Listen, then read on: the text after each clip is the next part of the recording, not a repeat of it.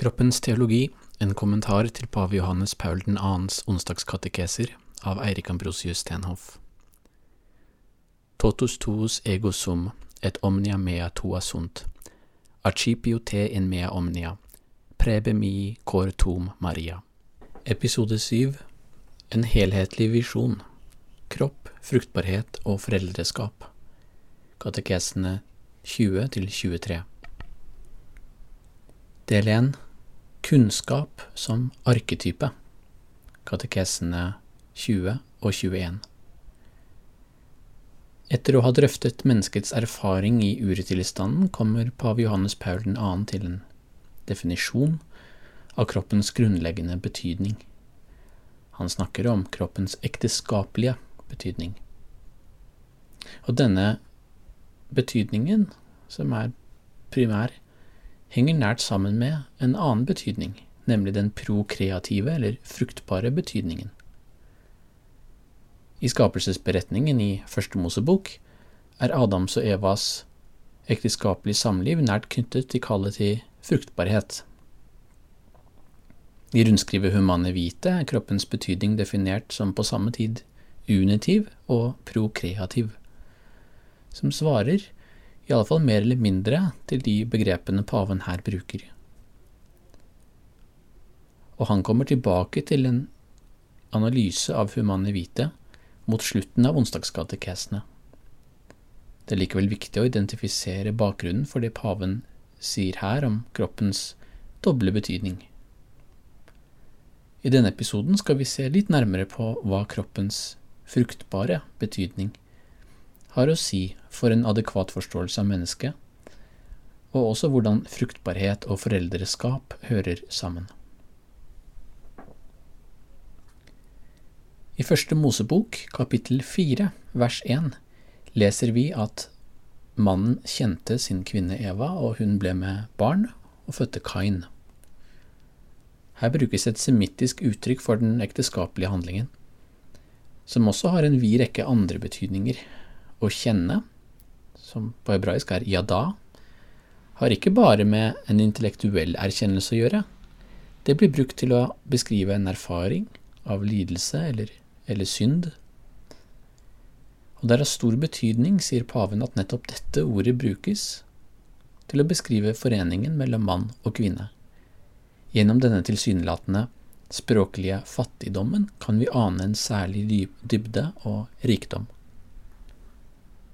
Ordet kunnskap, eller verbet å kjenne, har en personlig dimensjon, som paven vektlegger. Det synes å peke mot en erkjennelse av en personlig realitet. Dermed har den ekteskapelige handlingen med noe mer enn bare forplantning å gjøre. Den har å gjøre med mannens og kvinnens gjensidige åpenbaring for hverandre som personer. Og dette er i tråd med de foregående refleksjonene om menneskets urerfaring. Av denne grunn kaller paven kunnskap, altså menneskets kunnskap, for en personlig arketype. Altså et symbolsk uttrykk som sier noe vesentlig til oss om hva mennesket er fra opphavet av og som gir en språklig og, og, til og med narrativ form til menneskets kollektive underbevissthet, og nettopp en underbevissthet om hva det er. Dette henger også sammen med at Første Mosebok og skapelsesberetningen er av mytisk karakter som likevel sier noe sant om hva mennesket er. Og denne personlige arketypen knytter paven både til kallet til fruktbarhet i Første Mosebok 1.28 og til, Første Mosebok kapittel 2, 2.28, der det heter at mann og kvinnen skal være én kropp. Når de blir én kropp, sier paven, erfarer mannen og kvinnen kroppens betydning på en helt bestemt måte. Sitat de åpenbarer seg for hverandre med den spesifikke dybden i deres eget menneskelige jeg, som nettopp åpenbarer seg selv også gjennom deres kjønn, deres maskulinitet og femininitet. Sitat slutt. Vi ser igjen sammenhengen mellom den opprinnelige ensomheten, der mennesket først oppdager sitt jeg, og den opprinnelige foreningen, som bare kan finne sted i forskjellen mellom det mannlige og kvinnelige. Så i mannens og kvinnens kunnskap om hverandre lærer de hverandre og seg selv å kjenne. Idet de blir ett, som det heter i, i skapelsesberetningen, blir de ett subjekt, sier paven, selv om de naturligvis også forblir to distinkte subjekter. Mer skal sies om dette senere.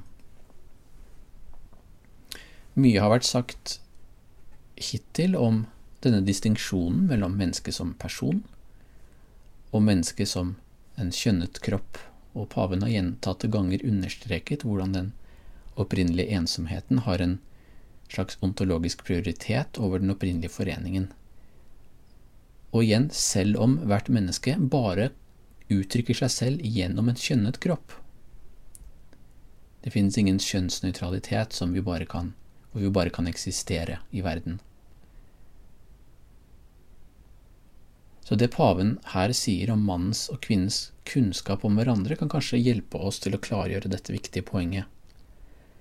Dersom vi bare så på mennesket som en kjønnet kropp, altså at mennesket var forutbestemt på et vis av sin egen natur, som paven antyder, ville vi egentlig ikke kunne snakke om at personen åpenbarer seg gjennom kroppen, som er et helt avgjørende premiss i pavens refleksjoner. En viktig konsekvens av den moderne filosofiske antropologi er nettopp at person og natur betraktes som adskilte. Og spaltningen mellom kropp og sjel er egentlig ett av flere uttrykk for dette filosofisk sett kanskje enda mer grunnleggende skillet. Så denne spaltningen kan også ta flere former, med flere ulike vektlegginger. Den kan f.eks. ta en idealistisk form, om en vil, eller en rasjonalistisk Vi kan også kalle den rasjonalistisk. Og her opphøyes menneskets intellekt, eller selvbevissthet, til den avgjørende faktoren som bestemmer vår identitet og innholdet i vår, vår frihet, eksempel. Dette er særlig uttrykt i tradisjonen etter, etter Descartes. Den kan også ta en materialistisk form, eller en naturalistisk form. Og her reduseres mennesket til, til kroppen, eller til resten av eh, det biologiske mangfoldet, eller til eh, de andre dyrene. Så det er mer, dette er blitt mer vanlig etter 1800-tallet, og på ulike måter i marxistisk filosofi og darwinistiske teorier, altså evolusjonsteorier. Og de har begge stor innflytelse i den populære bevissthet i vår egen tid.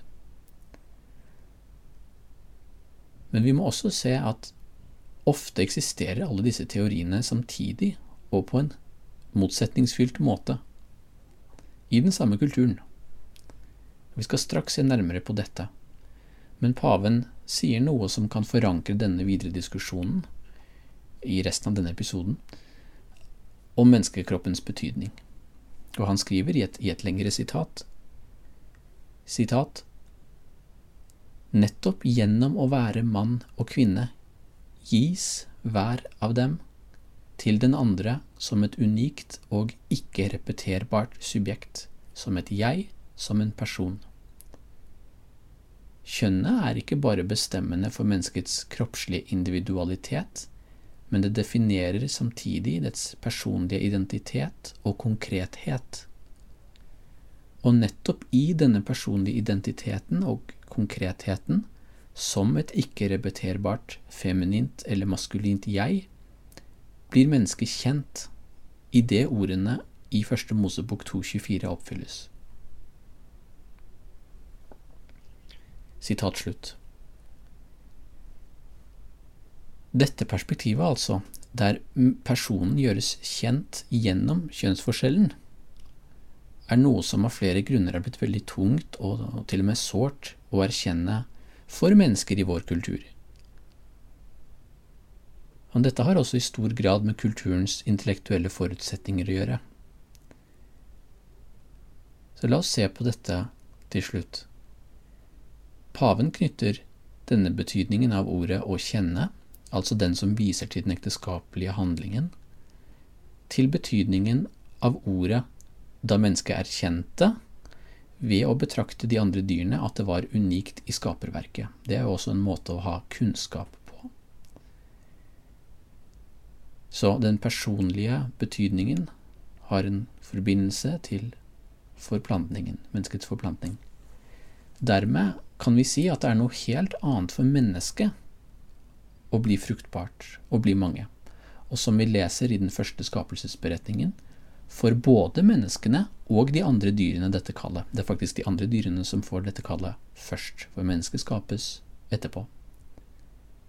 Men bare mennesket skal legge jorden under seg. Og i den andre skapelsesberetningen får jo Adam det oppdraget å gi de andre dyrene navn. Og Det kan også forstås som en del av dette større forvalteroppdraget. Idet mannen og kvinnen kommer sammen og kjenner hverandre, betyr det altså noe helt annet enn når de andre dyrene gjør det.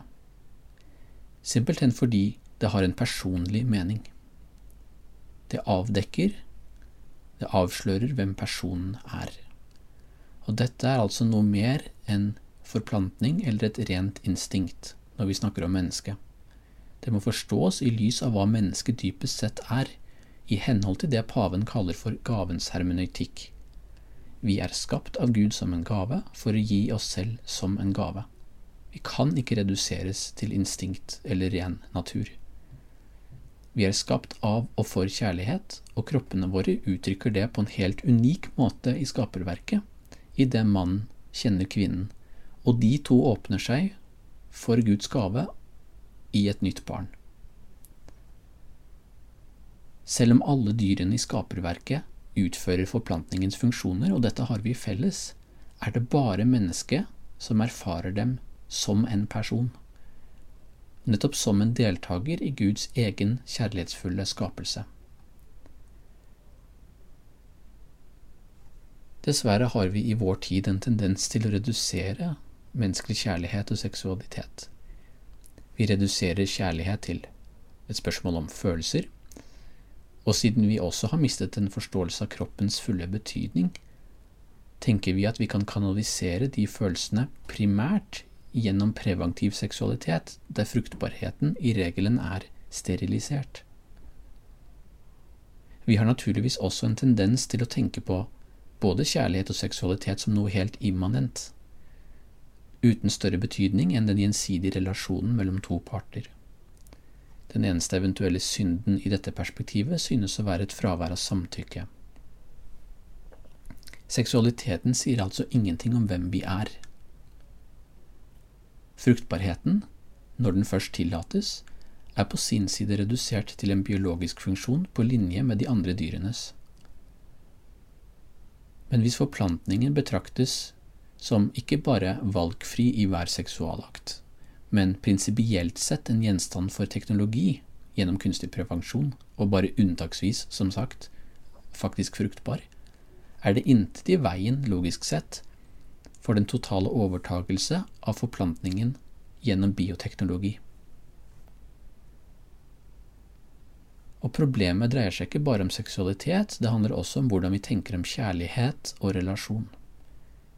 Tenk hvor ofte vi viser til evolusjonsteoretiske begrunnelser når vi snakker om kjærligheten mellom mann og kvinne.